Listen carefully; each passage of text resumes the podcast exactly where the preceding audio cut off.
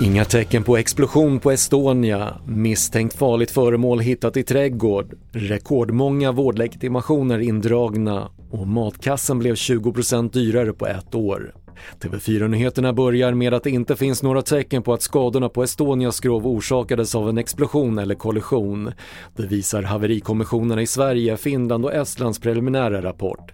Man visade nya bilder av skrovet och enligt utredarna matchar skadorna bergsformationerna på havsbottnen. And here is the starboard side damage and the seabed formation.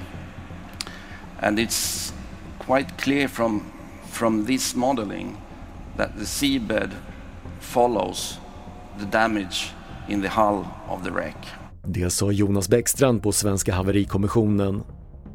Ett misstänkt farligt föremål hittades under morgonen i en villaträdgård i Tumba söder om Stockholm. Flera fastigheter utrymdes men bombtekniker har nu bedömt att föremålet inte längre utgör någon fara för allmänheten. Enligt SVT utreder polisen eventuella kopplingar till en skjutning mot en bostad i samma område i helgen.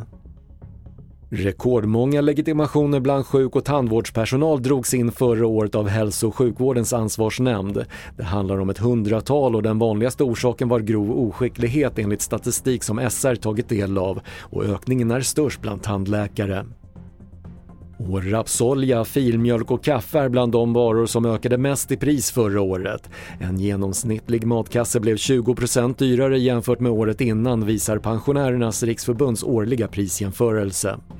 Ja, det är ju, det är ju tråkigt. Det är ju i och med att allt blir dyrare, det blir svårare att, att leva som en vanlig människa. Ja, nu börjar det ju märkas i plånboken. Eh, man eh, registrerar ju att eh, sådana här basvaror som man handlar mycket som, som plötsligt bara skjuter i höjden och kostar mycket, mycket, mycket mer än vad man är van vid. Det sa Tobias Häggkvist och Susanne Mellberg. Fler nyheter på TV4.se. Jag heter Patrik Lindström.